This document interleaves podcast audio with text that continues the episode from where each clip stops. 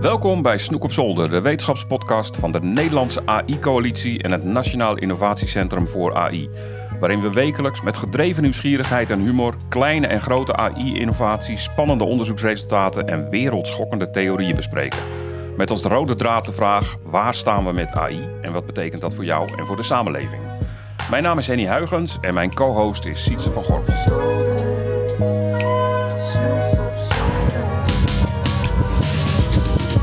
Deze week praten we met een van de drie schrijvers van een boek over AI dat vorige week gepubliceerd is. Slim Manager van Artificial Intelligence. Met als ondertitel Hoe organisaties slimme technologie implementeren. Onze gast van vandaag is uh, Research and Valorization Manager bij het KIN Center. Dat is het, het KIN Center for Digital Innovation bij de Vrije Universiteit. Uh, welkom, Marloes Achterberg. Dankjewel. Gefeliciteerd met jullie boek. Dankjewel. Uh, ik vond het hartstikke leuk om het alvast te mogen lezen. Uh, je, en ik, ik, zag dat je samen met uh, La Lauren Waardenburg en Marleen Huisman dit boek geschreven hebt. Hoe, hoe, was nou dat schrijfproces zo met drie mensen? Veel ruzie gekregen of viel het mee? nee, het is juist een enorme aanrader om met drie mensen een boek te schrijven. Het was allereerst trouwens dan wel echt even alle complimenten naar Lauren. Want Lauren was echt de drijvende kracht achter dit boek. Zonder Lauren was dit boek er niet geweest. Okay. Zij is echt de, de, de sterschrijver van ons drieën. Uh, maar het is natuurlijk echt een gezamenlijk proces wat je doorgaat. Met heel veel overleggen. En maar ook heel veel uh, brainstormen van wat zien we in de cases, wat zien we in het onderzoek, hoe gaan we dat dan structureren, wat zijn nou de kernpunten ervan. En dat moet je gewoon echt met elkaar doen. Dus dat is gewoon heel veel overleg, samen kijken, spreken en natuurlijk stukken lezen. En uiteindelijk ga je natuurlijk, ieder die verdiept zich in bepaalde onderwerpen wat meer dan de ander. Maar okay. het, is dus, uh, het was een heel, heel leuk proces, ik kan niet anders zeggen. Maar het is dus niet zo dat je van tevoren zegt van nou, jij doet dit hoofdstuk, jij doet dat nee. zo. Oké, okay. dus echt alles, uh, alles samen gedaan. Nee, en ook hoe de hoofdstukken eruit kwamen te zien, dat wisten we van tevoren ook niet. Wij laten ons altijd wel heel erg leiden naar wat we zien in onze data en wat dan de thema's zijn. En dat bepaalt hoe het eruit komt te zien. Dus dat stond ook nog helemaal niet vast. Oké. Okay. Is dit nou een, een lockdown boek? Is het geschreven ja, tijdens de dit lockdown? is echt een ontzettend lockdown boek. Want we zijn Ja. begonnen met data verzamelen wel al daarvoor. Maar echt het schrijven is inderdaad echt allemaal vanaf maart. Ja, Oh, leuk. dus Ja. die overleggen waar je het net over had, allemaal via Teams. En, eh, Ja, we hebben elkaar gewoon überhaupt nog niet... Ja, ik heb Lauren wel een keer gezien, maar ik heb Marleen nog helemaal niet gezien sinds eh, maart. Oké. Hey, en nou hebben jullie dat boek eh, ja, gelanceerd bij Mediawerf Uitgevers. En het is geschreven in samenwerking met de Stichting Management Studies, zag ik. Eh, wat, wat is dat voor stichting en hoe, hoe, kwamen ze nou, hoe, hoe kwamen ze er nou zo bij om met jullie samen dit boek Ja. te gaan maken? Ja, Stichting Management Studies, dat is een stichting die als doel heeft het verbinden van de managementpraktijk met de wetenschap. Eh, het is gelieerd aan VNO-NCW. Ehm, dus daar zitten ook allerlei afgevaardigden in van nou ja, allerlei zulke soort grote Nederlandse organisaties. En eh, zij schrijven, en dat doen ze echt al heel lang hoor, volgens mij echt al 50 jaar, schrijven ze elk jaar een tender uit eh, op een bepaald onderwerp waarvan zij denken, dit is nu Een- belangrijk. Een tender, wat is Ja, dat? een soort aanbesteding, een onderwerp waarvan ze zeggen, we nodigen onderzoekers uit om hier een voorstel voor in te dienen Oh, op dit onderwerp. En dat, dat is een onderwerp waarvan zij denken: dit is nu belangrijk voor het Nederlands bedrijfsleven om verder op in te gaan. Ehm, dit keer was dat technologie in transitie, geloof ik. Hmm. Eh, en wij hebben dat getrokken naar AI, omdat wij denken dat dat nu een heel belangrijk onderwerp is. Nou ja, en dan word je uitgekozen, ga je presenteren en dan, eh, nou ja, dan win je hem. Leuk. noemen wij dat dan. En dan ehm, ga je dus met hun die samenwerking aan. Je krijgt een begeleidingscommissie met afgevaardigden van een aantal organisaties. En gedurende het proces kom je een aantal keren ook met de begeleidingscommissie samen. En het idee daarvan is dat zij bewaken dat er inderdaad iets nuttigs uitkomt en wat bruikbaar is. En eh, dat we niks over het hoofd zien. En is dat, is dat uiteindelijk, helpt dat heel veel of, of is dat ook wel een hinder tijdens het schrijven van zo'n boek? Nee, de samenwerking ging eigenlijk, eh, eigenlijk heel, eh, heel prettig. Eh, ze hebben ons ook geholpen met het bedenken van eh, bepaalde cases die we kunnen, kunnen doen. Eh, ze bevestigen ons bijvoorbeeld ook van ja, dit is inderdaad echt super interessant. Hier moeten we meer over weten. Of, eh, en ook om dingen scherper te formuleren bijvoorbeeld. Nee, dus dat was eigenlijk heel prettig. Leuk ja, hoor. was geen hinder, nee. Leuk. Maar het is een heel slim boek, toch? Ja, Maar eh, dat is een ja, acroniem, de titel toch? is wel slim, Sietse. Dat is het, dat is het Ja, juist. hij is dubbel slim, want het is dus een Ja. acroniem inderdaad. Wat goed. Ik zoek een slim boek en dan kom je daarop uit. Ja, en het gaat Maar- ook nog eens over slimme technologie. dus ja, precies. Maar waar staat het voor? het staat voor, eh, de S staat voor sociotechnisch, L staat voor lokaal inzicht, I staat voor interdisciplinaire kennis en de M staat voor moreel inzicht. En eigenlijk zijn dat de vier aanbevelingen die voortkomen uit de uitdagingen die wij beschrijven rond het managen van AI. En ik kan ze helemaal uitleggen. Nou, die- ga er maar even kort doorheen, zou ik Leuk, zeggen. Maar, ja. Want dan gaan wij natuurlijk heel kritisch luisteren. Of, Ja. of- Beginnen bij de of dit nou echte punten zijn, of dat het eh, bedacht is om het woord te maken. Hè? Forced fitting noemen wij dat. Ja, dat- of driehoekjes dit- door want- vierkantjes Ja, duwen. nee, dit, dit, dit, dit, dit, dit ken ik uit de wetenschap, want dat gebeurt zo ontzettend veel. Dat, eh, Oké, kom op, we gaan hem aan. De S staat voor socio-technische veranderprocessen. Ja, En dat betekent eigenlijk dat je de implementatie van AI niet moet zien als een lineair proces, een, een techniek die je loslaat op de organisatie en dan heeft het al dan niet het gewenste resultaat. Het is echt een organisatorisch veranderproces waarbij de techniek dus bepaalde hè, veranderingen teweeg brengt, maar waar de techniek net zo goed veranderd wordt door de mens. Dus de techniek is ook het gevolg van menselijke keuzes. En dat kun je dus, in een soort iteratie, kun je dat constant op elkaar afstemmen. En dat is een sociotechnisch veranderproces. En dat is dus een goede manier ook om dat zo te bekijken en in te richten, omdat je dan kunt afstemmen tussen technologie en de werkcontext en de mens. oké. Hey, even, even tussendoor vraagje. Ja? Ehm, eh, jullie achtergrond is, denk ik, maar misschien moet je me daar even in, in corrigeren als dat fout is, dat jullie komen uit de, ook uit een organisatiekundehoek. Ja.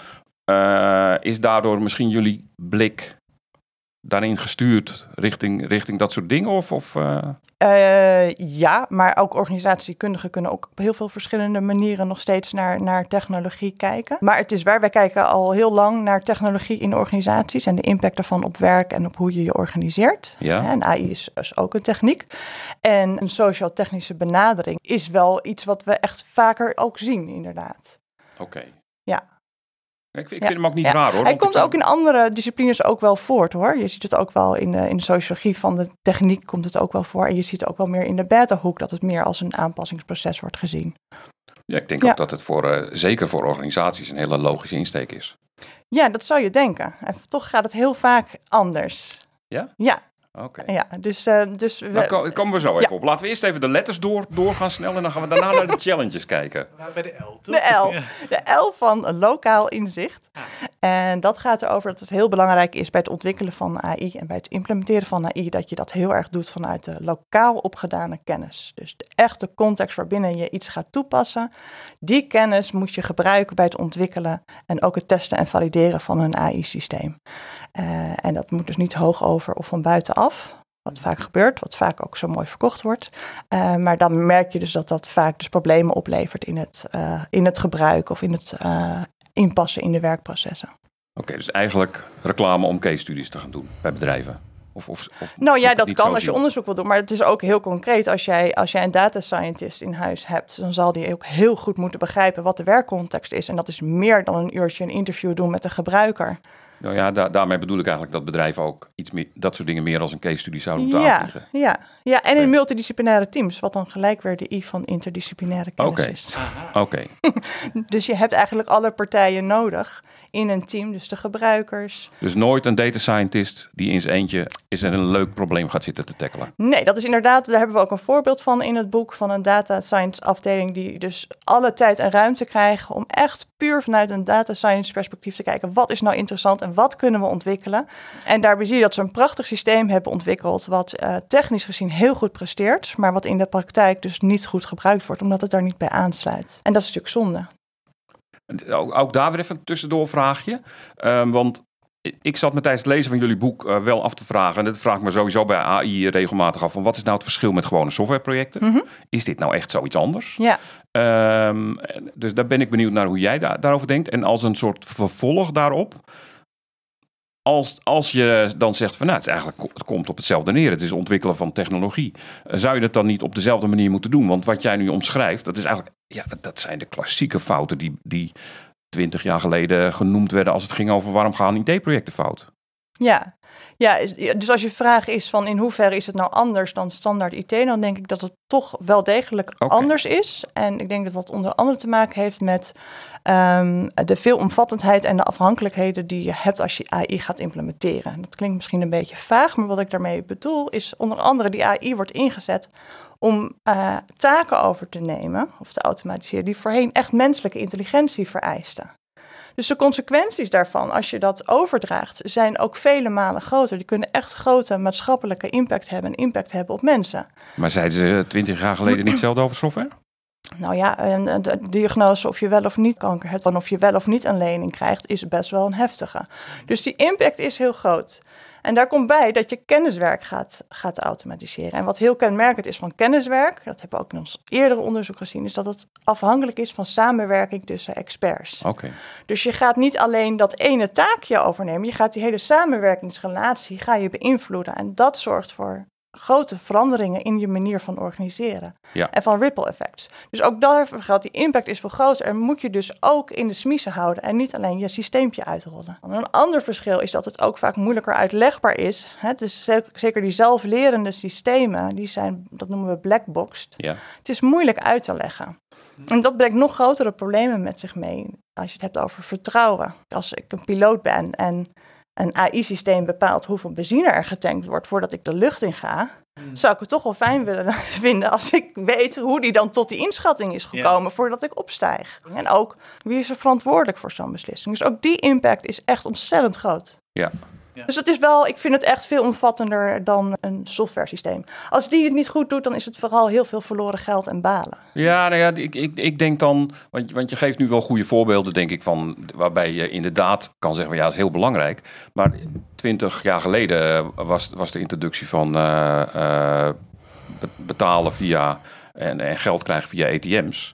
Nou, daar- daar werd ook wel het nodige over gedacht hoe belangrijk dat was. Dus ik, Ja. dus ik, ik vraag me soms wel af van, zijn we hier niet met een, een, op een treetje hoger bezig met iets wat misschien op dezelfde manier georganiseerd zou moeten worden? Nou, als je het hebt over hoe, hoe het georganiseerd moet worden, dan, hè, dat was mij net ook het tweede gedeelte van je vraag. Ja. Hè, nu heb je het heel veel over agile en Scrum en Spotify-modellen. Ja.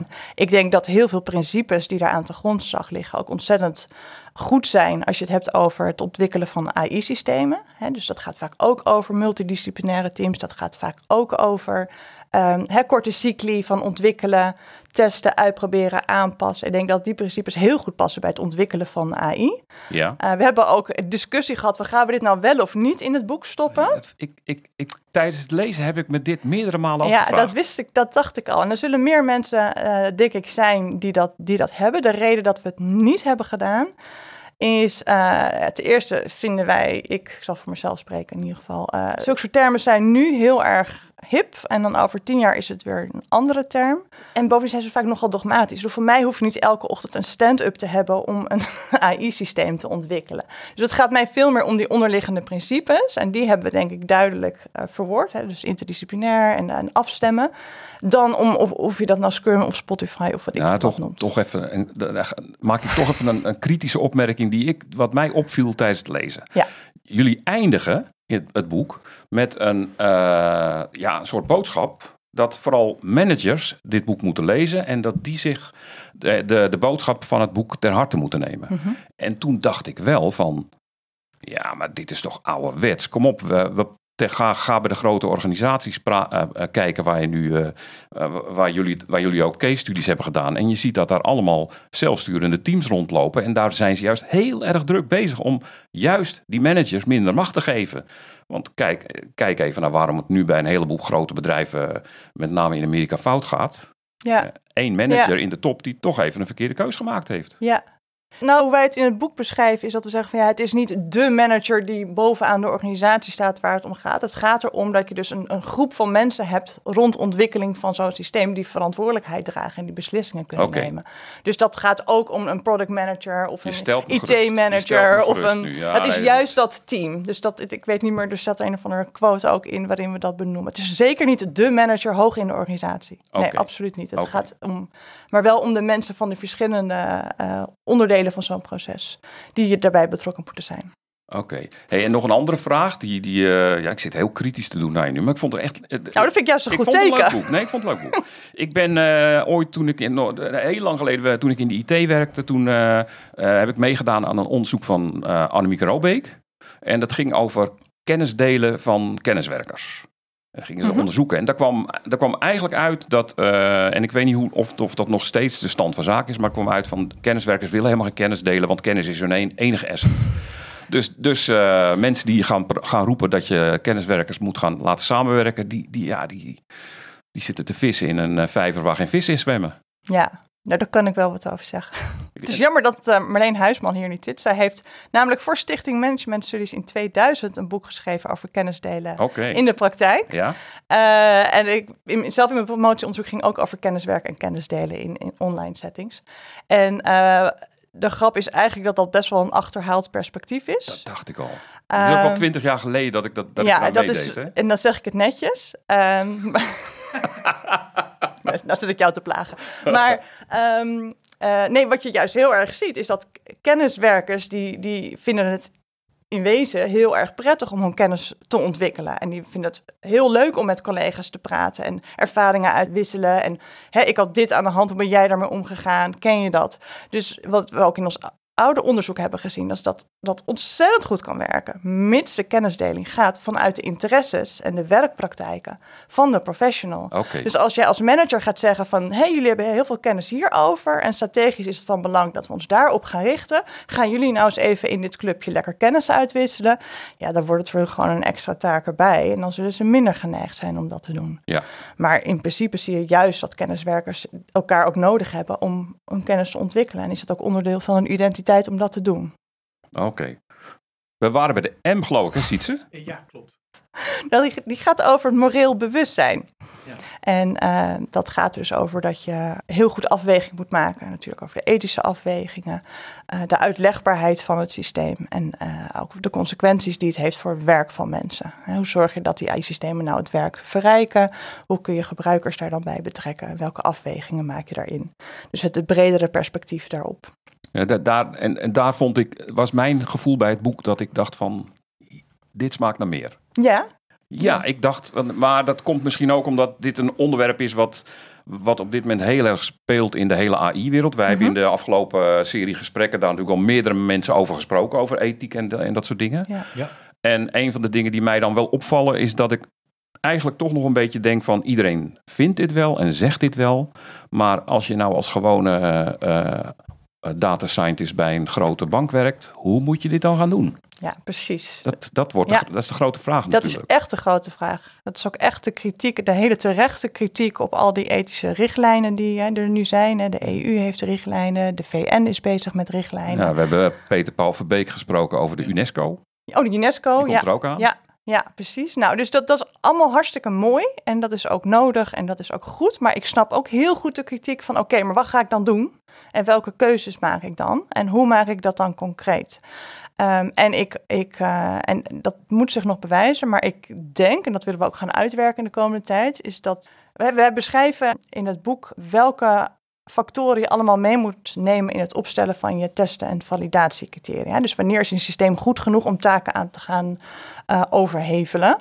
En dan gaat het dus ook natuurlijk om, de, om zulke soort ethische richtlijnen, maar ook om de gebruikerscontext, eh, de gebruikers zelfs, de werkprocessen, de institutionele context waarin je begint. Ja. En dat moet je allemaal in kaart brengen om eh, te gaan bepalen wanneer kan ik het systeem gaan gebruiken. En ik denk, en nogmaals, ik kan dat niet hard maken nog, dat is echt iets wat we verder willen gaan verkennen in vervolgonderzoek en met organisaties, maar dat dat daarbij gaat helpen. Want wat transparantie is of wat eerlijkheid is in het geval van een slimme generator, is toch ook wel weer wat anders dan wanneer het gaat over eh, het aannemen van mensen of wanneer het gaat om een sociale robot die zorg gaat leveren voor mensen met een mentale beperking. Ja. Dus er is ook niet één one way to do it. Ik denk dat het juist heel erg afhangt van al die contextuele factoren, wat dan een ethisch afweging is. Ja, en ik denk ook dat, dit, dat de complexiteit van dit probleem misschien ook wel ligt in het feit dat je er. Ik denk zelf dat je er niet alleen maar bent door dit organisatorisch te bekijken, maar dat het ook vertaald moet worden in techniek. Ja. En Ja. eh, daarvan zie ik op dit moment dat daar zijn wel, een, wel allerlei onderzoekers mee bezig. Van hoe kun je nou ethische zaken. Hoe kun je dat dan ook, ook vertalen in, uh, in, in, uh, in, in techniek die je binnen deep learning en neural netwerken kan gebruiken. Maar ik heb het gevoel dat daar nog wel een flinke stap te maken is de komende jaren. Ja, dus de vraag is hoe vertaalt zich dat door in de keuzes die je maakt als ontwikkelaar? Ja, bedoel ja. je dat? Ja. ja. Ja, en ik denk ook dat dit, de, die ethische aspecten in AI, die zijn volgens mij niet alleen maar organisatorisch te borgen. Nee, nee, maar die, dat is dus juist ook... omdat, zo'n, omdat je met black box principes praat. Nee, en ja. precies is dat juist ook in, in bijvoorbeeld in alleen al de data, hoe je je organiseert voor de data en welke data je gebruikt en de gewichten die je gaat hangen aan bepaalde factoren in de algoritme. Al die keuzes bepalen of iets ethisch verantwoord wordt of niet. Um, ja, en misschien moet je een algoritme ook wel leren waar die moet stoppen. Bijvoorbeeld. Ik, Dus denk, wat- dat, ik ja. denk dat dat een van de interessante vragen is natuurlijk. Ja. Ja, en ook bijvoorbeeld in, hè, in hoeverre is uitlegbaarheid belangrijk? Als dat super belangrijk is, misschien moet je dan niet gaan voor de meest geavanceerde technologie, maar moet je voor een wat simpele variant gaan bijvoorbeeld. Ja. En dus dat het hangt ervan. Dus er is ook niet één antwoord. Er zal ook niet één antwoord komen op wat wel en niet mag, behalve de, de grote kaders. Dat, dat denk ik. Maar ja. Ehm, ik, ik wil even naar de praktijkvoorbeelden uit jullie boek gaan. Mhm. Want dat, dat- nou, ik, toen ik het las, dacht ik, ja, het is eigenlijk niet de kern van het boek, maar het, boek, het is meer de, de, het begin van het boek, naar mijn idee. Eh, maar ik vind ze wel heel erg leuk. Hoe, hoe, eh, hoe is dat in zijn werk gegaan? Want jullie hebben een, een, een fors aantal eh, leuke praktijkvoorbeelden van grote organisaties. Hoe, hoe zijn jullie eraan gekomen en hoe hebben jullie dat uitgewerkt? Ja, Ehm, het is wisselend. Een aantal cases zijn al lopende onderzoeken eh, van onze AIO's. Bijvoorbeeld eh, de politiecase is van Lauren. Dat Ja. is haar PhD-onderzoek is daar. Dus daar hebben we. Zij heeft echt twee jaar lang, ruim twee jaar lang meegelopen met de politie. In de politieauto gezeten. Die doen echt zulke leuke dingen. hè? Ja. Nee, dat, dat, dat is echt, er gebeuren daar hele interessante dingen. Ik hoorde, eh, ik, eh, even heel tussendoortje. Ik heb vorige week eh, sprak ik met eh, Maris Kok van, de, van het eh, politieteam. En die vertelde van ja, we, we komen er nu, we gaan nu live met eh, eh, deep learning boven de snelweg. Om te zien wie er met zijn telefoon in zijn hand Mhm. zit. Ja, vind, ik- Ah. dat vind ik dan Ja, wel ja, ja, ja. goede voorbeelden van Ja. hoe AI daar gebruikt Ja. wordt. Ja. Zeker. Maar we gaan even naar de cases. Ja. Ehm, dus, en zo zijn er nog een aantal cases van onze AIA's. Dus ook die HR-case bijvoorbeeld en de radiologie. Dat is gewoon een groot van een groot onderzoeksproject. En dat is eigenlijk onze ideale manier van onderzoek doen. Dat je echt embedded gaan en over tijd kijken hoe Ja. dingen zich ontwikkelen. Ja. Ehm, een aantal andere cases komen uit ons eigen netwerk. Die volgen we al langere tijd. En een aantal andere cases kwamen via bijvoorbeeld de begeleidingscommissie. Maar we hebben ook zelf heel veel voorgesprekken gevoerd met andere organisaties. Dus we zijn echt op zoek gegaan naar waar gebeurt er nou echt iets interessants. En als je gaat praten, blijkt vaak dat het eigenlijk wel heel erg tegenvalt. Ja? Of en als het echt In, heel in de zin van dat ze nog niet zo ver zijn met dat, AI. Precies. Ja. Dat er ergens een klein pilotje in een hoekje gebeurt, Ja. wat op zich heel mooi en interessant is. Maar we willen eigenlijk wel dat het echt gebruikt wordt. Want anders kun je dat niet zien. Een pilot is toch echt wel wat anders dan iets echt inbedden in een werkpraktijk. Dus jouw ervaring is ook wel, we staan in Nederland aan de, nog aan de vooravond van de AI. Ja, en Golf. aan de andere kant kwamen we ook achter hele interessante cases waar we geen toegang kregen. Niet echt toegang kregen, omdat ze bang waren voor concurrentie, gevoelige. eh, dus dat liever echt geheim willen houden. Waar was dat? Ja, dat ga ik natuurlijk niet zeggen. We, gaan, we moeten gaan raden, Sietse. Mag je Nee, letter kopen? ik, ik heb allerlei ideeën, maar ik ga het niet zeggen. Eh, Ja, Maar een vraag tussendoor dan is wel van, wat, mij, wat ik leuk vond, was jullie, jullie gaven ook voorbeelden van mislukte cases en, ehm, en, en oplossingen die achteraf geweigerd zijn. Het waren niet zoveel, maar Nee. ik, ik, nou, de, de multi, de, de, de, de recruitment Ja? case, daarvan gaven jullie aan van die is mislukt. En dan, Nee. heb, heb ik dat mis? Nee, die is niet mislukt hoor. Nee. Dit is juist een heel mooi proces van const- constante afstemming. Ze hebben wel heel veel lessen geleerd. Van eh, eh, output die niet direct bruikbaar is, tot eh, we moeten reflecteren op onze eigen. Nee, die, die zou ik echt zeker, zeker niet als mislukte bestempelen.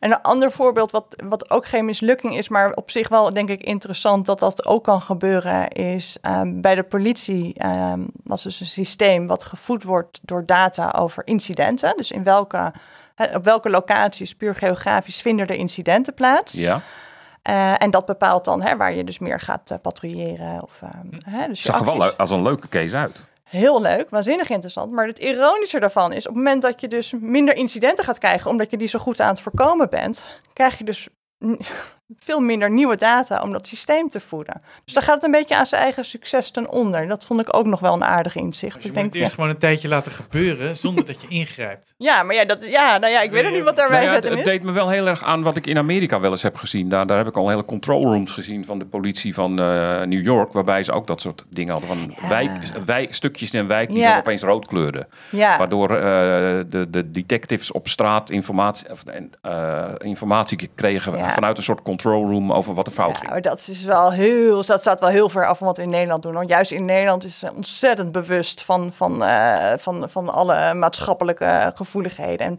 er wordt bijvoorbeeld in Nederland absoluut niet geprofileerd op mensen, op personen. Dat gaat alleen op incidenten. Ja. Dus het heeft echt helemaal niks te maken met Nee, Red ze, Bull-achtige ze, ze gingen daar zelfs zover dat ze dan eh, zou, dat, ik geloof dat het niet helemaal dat waar was, maar ze zouden kunnen voorspellen van in deze wijk wordt deze week ingebroken. Ja, Ja, Ja, hm, oké. ja. Ja, nou ja, dat is wel een beetje ook hoe dat, hoe dat systeem werkt hoor. Van in deze, hè, je zoekt natuurlijk gewoon naar patronen in wat voor soort criminaliteit plaatsvindt in op welk geografisch stukje van een stad bijvoorbeeld. Ja. En dat kan alleen maar natuurlijk ook gaan als het om, eh, om eh, misdrijven gaat die heel vaak voorkomen. Dus dat gaat echt niet over moord, maar om eh autodiefstal bijvoorbeeld. Ja, wat, wat, wat kun je zeggen op basis van al die praktijkvoorbeelden? Wat, wat zijn nou de uitdagingen op dit moment in, in de, in, in, bij bedrijven op het gebied van AI? Ja, nou ja, die zijn, eh, we beschrijven er vier in het boek. En, en daaronder hangen er nog een heleboel. Ehm, ik denk één al- is alleen al het organiseren voor data. Het, hè, het idee dat er een grote bak met data is en die is goud waard. En wat doe je daar dan mee? Wat duur ermee, maar hij is ook helemaal niet zoveel goud waard. Want pas, je hebt pas goud op het moment dat je data hebt die heel goed binnen de werkcontext passen en daarop aansluiten. En daar echt iets over zeggen. En die data moet je creëren. Die is er meestal niet zomaar. Dus bijvoorbeeld bij die recruitment case, dan hebben 300 werknemers hebben die games zitten spelen om indicatoren te creëren voor wat is een goede werknemer. Ja, en Die wat, is, je- en wat is dan 300 voor een, En wat is dan 300 voor voor, een zo'n... beetje Nou ja, learning model? Krijg je al gauw te horen van de, van de data scientist van ja, ik heb meer nodig.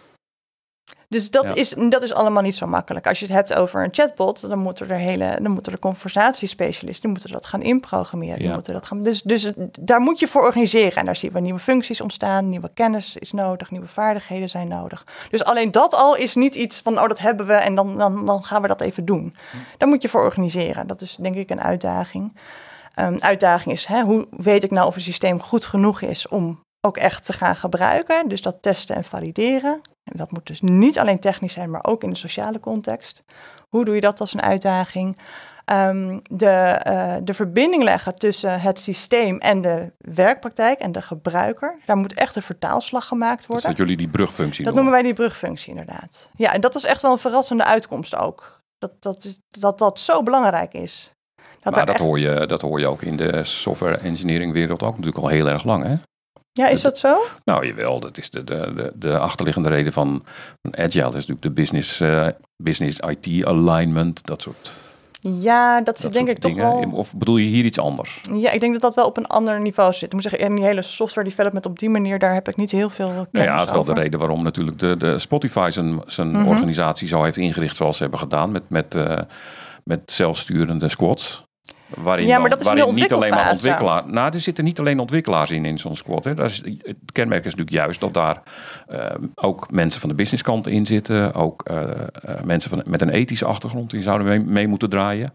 Ja, maar dat gaat wel over het ontwikkelen van zo'n software ding. En dit gaat juist ook over het gebruik ervan. Dus op het moment dat je dus zo'n heel mooi systeem hebt ontwikkeld in zo'n multidisciplinair team, dan nog heb je als je het gaat gebruiken, blijkt dus dat je heel vaak een brugfunctie nodig hebt, die blijvend, vaak zelfs permanent, die vertaalslag maakt tussen die uitkomsten en de werkpraktijk. En dat is echt een nieuwe functie en dat is niet klaar. Nou, ook daar. Ja, ook daar zie je dat, eh, dat die nieuwe dat modellen als Scrum en, en Agile werken, die, die ja, zijn ge- ge- ge- gericht op iteraties, eh, voortdurend verbeteren. Ja, maar dat is weer wat anders. maken, dat, is dat- noemen we, dat is weer want dat is de adaptieve, dat is een Oh, adaptieve brugfunctie waarin je dat gaat aanpassen. En dat kan inderdaad, dan heb je mensen. Maar dit gaat er echt over dat de uitkomsten aan zich dus vaak nog niet zoveel zeggend zijn. Dus om weer even naar die politie te gaan, daar komt er een kaartje uit met rode vlekken. Ja. Nou, wat gaan we dan doen? Maar stel jij Dan nu... moet dus iemand gaan zeggen van oké, dit is wat je hier kunt verwachten. Dus die gaan die, die, gaan die uitkomsten gaan ze verrijken. Met let op, hier zijn nu bouwwerkzaamheden. Ehm, dus het zou kunnen dat dit of dat. Of eh, hier staan allemaal nieuwbouwwoningen of studentenflats of dit of dat. Ja. Bij die HR zie je bijvoorbeeld dat er dan allemaal mooie sleutelwoorden uitkomen. Maar wat ga je dan als manager met die sleutelwoorden doen? Dus daar zie je dus nieuwe functies ontstaan die dat helpen aan te passen en, dat, en daar, daartussenin gaan staan. En dat is dus vaak echt blijvend. Ja. Eh Siets, heb jij nog een vraag die tussendoor die, eh, die, die opborrelt bij je? Nou, nee, ik had eigenlijk de vraag, wanneer gaan we naar de muziekrubriek? Is er daar tijd voor? Nou, Ik zit Eh, nog heerlijk in het gesprek, ja, maar dan gaan we ook. gewoon na de muziekrubriek gaan we gewoon verder. Oh, wat lekker leuk. smooth gaat. Maar eh, ja, ik heb weer iemand aan de telefoon. Hij heet David Pino. De eerste mannelijke singer-songwriter, Marloes. Oh, nou, ik ben vereerd. Nou, niet ter wereld, maar Nee, nee, nee, in, ons, in onze reeks, Ja. hè? ja, hij was de zanger en mede liedjeschrijver van El Pino en de Volunteers. En wat daarna dan weer de begeleidingsband werd van Happy Camper. Ja, die ken ik wel, ja. Ja, vrolijke band met allemaal eh, gastzangers zoals Blauwtsoen en Ricky Kolen en eh Jannes Schaar. Ja. Hij heeft nu een nieuw trio samen met Steve Hupkes en Sander van Munster genaamd De Break. Nederlandstalig. En ik heb David en Steve nu aan de telefoon. Eh Steve, ik wilde met jou beginnen. Eh, jij bent de tekstschrijver van De Break. En ik begreep dat jij gelijk aanknopingspunten zag met eh, kunstmatige intelligentie. Klopt dat? Ja, ik zat zelf toevallig bij, deed ik mee aan de social sorting experiment van de Smartphone Orchestra. was eigenlijk een soort experiment Ja. waarbij mensen met telefoontjes eh, inloggen.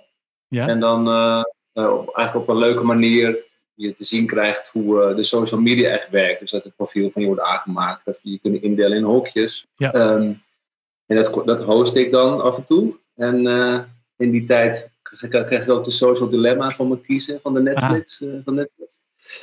Ja, en ik heb kinderen, drie kinderen. En toen dacht ik wel van, oh jezus. En we zaten bij die verkiezingen met Trump. Van al die Mhm. Iedereen zijn eigen algoritmische bubbel, al het nieuws Ja. krijgt wat ze, wat ze maar eh, krijgen. En daardoor zo'n burgeroorlog eh, weet je wel, uit stond te breken. Mhm. Dus waren wel vanuit veel kanten kwam er, eh, kwam er veel, nou niet angst, maar wel bezorgdheid binnen. Ja. En Ja. wat hebben jullie ermee gedaan, David? Nou ja, toen jij ons benaderde, of mij benaderde voor deze podcast, toen had Steve net een paar weken daarvoor dus een stuk tekst over de schutting gegooid. Want zo gaat het ook bij de break. Aha. Steve schrijft tekst en eh, gooit die in de pot. Wie gaat hiermee aan de slag, Sander of ik? En dan een van ons maakt dan een basis. Dus toen jij met het verzoek kwam, dacht ik, hé, maar dat is eh, perfect. Dat, dat past. Ja. Maar alleen toen was het nog wel echt een hele ruwe schets. En daar, daar hebben we er heel veel van op stapel liggen. Dus ik moest hem even naar voren schrijven, dat deze voorrang kreeg om uit te werken. Oh, wat goed. En, En dat, waar, eh, gaat het, waar gaat het liedje over, Steve? Is dat Ehm, lastig om te zeggen? ik weet niet, het leek me mooi om ergens het personage AI, of in ieder geval een soort, daar een soort personage van te maken. Ja. iemand die jou geruststelt en, ja, en alles voor je doet. En ja, of dat goed of slecht is. Ja, het is mooi om iemand te introduceren die eigenlijk tegen de ik-figuur praat. Van, hé, hey, doe rustig, kom maar, ik teken het wel voor je. De kleine lettertjes hoef je niet te lezen. Uh, Ja. You're good, ik, ik vul je dromen, ik doe dit, ik doe dat. Ik neem het van je over, waardoor jij ook niks meer hoeft te voelen, niks meer bang voor hoeft te zijn. Dus dat, dat vond ik wel een, een leuk, mooi gevoel, omdat je ook ergens wel de verleiding ervan snapt. Eh, en ook wel die verleiding er echt is. En eh, aan de andere kant ook het gevaar daarvan. Je, jij eigenlijk je privacy en misschien jezelf wel een soort van verkoopt. zeg. Je hebt de titel eh, al een beetje verklapt. Kleine lettertjes heet het. Heb jij wel eens de kleine lettertjes gelezen? Of Als jij ergens van met cookies of als jij de Google, een Google ding krijgt en elke keer een update. Lees je die nog? Nee, die lees ik nooit. Nee. Nee. nee, dus dat was wel een goede titel volgens mij, toch? Voor dat gegeven. Je mag gebruik maken van iets en ja, who cares? Nee, en het is natuurlijk allemaal, allemaal zo snel wat je voorgeschoteld krijgt. Het, alles is nog is in hapklare brokjes, muziek, Mhm. media, filmpjes. Het is allemaal korter, korter, korter. En dan krijg je in één keer zo'n epistel voor je neus. Alsof iemand dat nog gaat lezen. Nee, precies. Ik eh, wil heel graag naar jullie liedje gaan luisteren. Maar er komen nog meer liedjes uit, begreep ik. Ja, zeker. We hebben afgelopen jaar een EP gelanceerd. En we zijn nu eh, druk bezig aan een album. Gaaf. Nou, Ja. we, gaan, eh, we gaan luisteren naar eh, De Break. Hier zijn David Pino, Steve Hupkes en Sander van Munster met het nummer Kleine Lettertjes.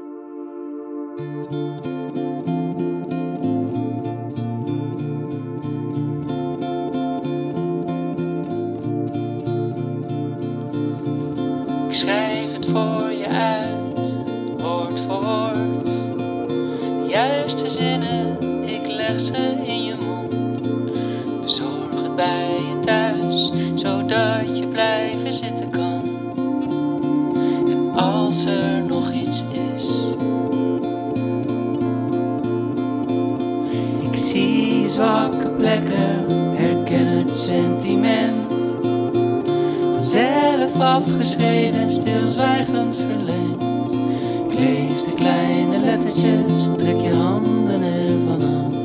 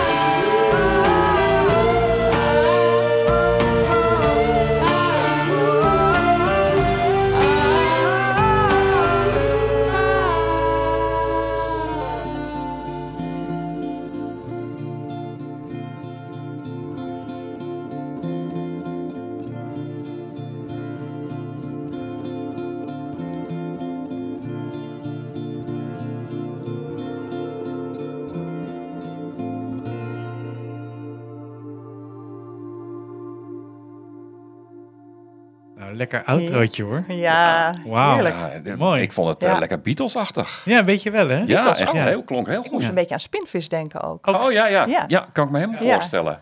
En Nederlandstalig, hartstikke leuk. Ja, Ben ik een groot Ja. voorstander van. Ja. Hartstikke leuk.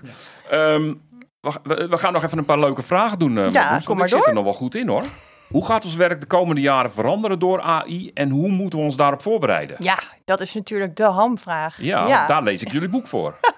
Dat is natuurlijk de hamvraag. Nou ja, het- de grap is dat je natuurlijk heel lang zag je van die krantenartikelen over AI gaat onze banen overnemen en eh, allemaal eh, drama en toestanden. Later kwam er wel wat meer nuancering in, dan ging het over taken. En eigenlijk wat wij zeggen is, het gaat eigenlijk veel meer om de werkprocessen. Dus de, de, dus de, de, de samenspel van taken die samen zorgen dat er werk wordt gedaan. Ja. Dat is wat verandert. Dus de processen gaan veranderen.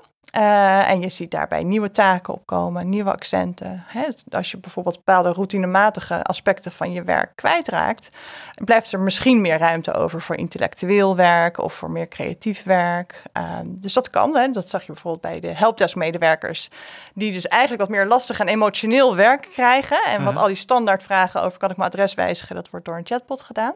Dus dat zijn denk ik wel veranderingen die we zouden kunnen gaan verwachten. Ik hou ook echt van chatbots. Geweldig. Ik vind het zo leuk om ruzie te maken met een chatbot. ik heb er gisteren nog eentje enorm om zijn oren geslagen. Geweldig. Maar ga door. Nou ja, dat, het kan dus wel ook hele positieve effecten gaan hebben.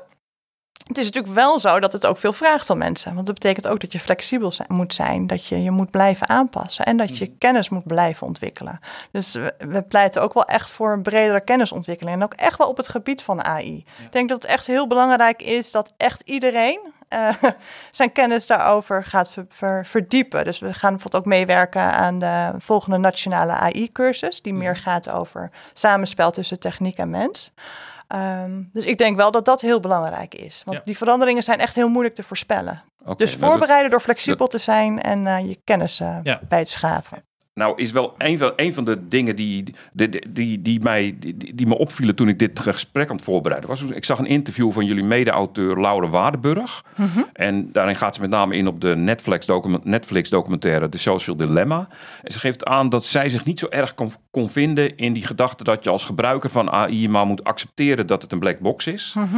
waarin je niks kan doen. Ehm, hoe, hoe kijken jullie naar die maatschappelijke discussie daaromheen? Ehm, Want dat, dat, want dat Ja. is ook wel iets wat in die kennisborging meespeelt, denk ik. Ja, dus ik, ik, ik, ik, vind het een, ik vind het een lastige discussie, omdat die op heel veel verschillende fronten speelt. Eh, in zijn algemeenheid, vanuit dat sociaal-technische perspectief, heb je als mens invloed op hoe technologie eruit ziet.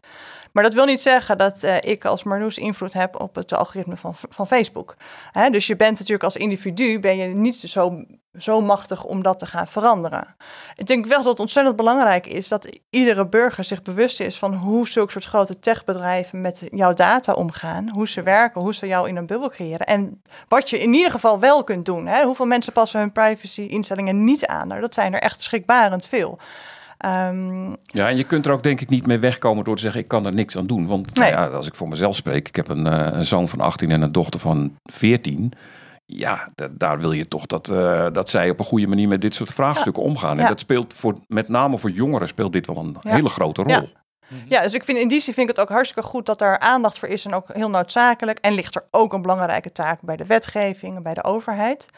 Tegelijkertijd heb ik ook een beetje jeuk van zulke soort dystopische. eh, Nou, het is jammer dat dat door elkaar loopt. ja, want het, dat hele AI wordt nu gewoon één hele grote, enge, boze eh boeman of boefvrouw Ja. voor sommige mensen. En dat is ook zonde. Dat is natuurlijk ook echt niet waar. En, en eh, in ons boek trouwens blijven we, gaat het niet over eh, techbedrijven. Dat gaat echt over zeg maar, meer traditionele organisaties die het Ja. inbedden in hun werkpraktijken.